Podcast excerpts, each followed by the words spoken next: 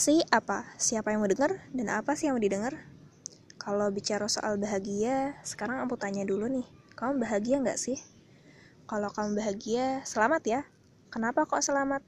Ya soalnya kamu udah ada di pilihan yang tepat. Karena bahagia itu pilihan. Ketika kamu memilih untuk bahagia, badan kamu akan otomatis bahagia. Tapi kalau kamu memilih untuk bersedih dan memikirkan hal yang negatif, semua yang ada di dalam tubuh kamu akan otomatis mengikutinya.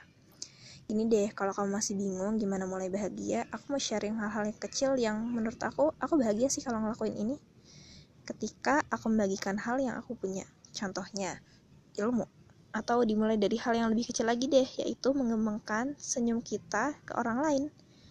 Percaya deh, walau mungkin kita anggap hal itu kecil, tapi siapa tahu udah buat orang lain bahagia juga. Dan apa pun yang kita lakuin pasti akan ada balasannya. Oke deh, sampai sini dulu ya. Syukron.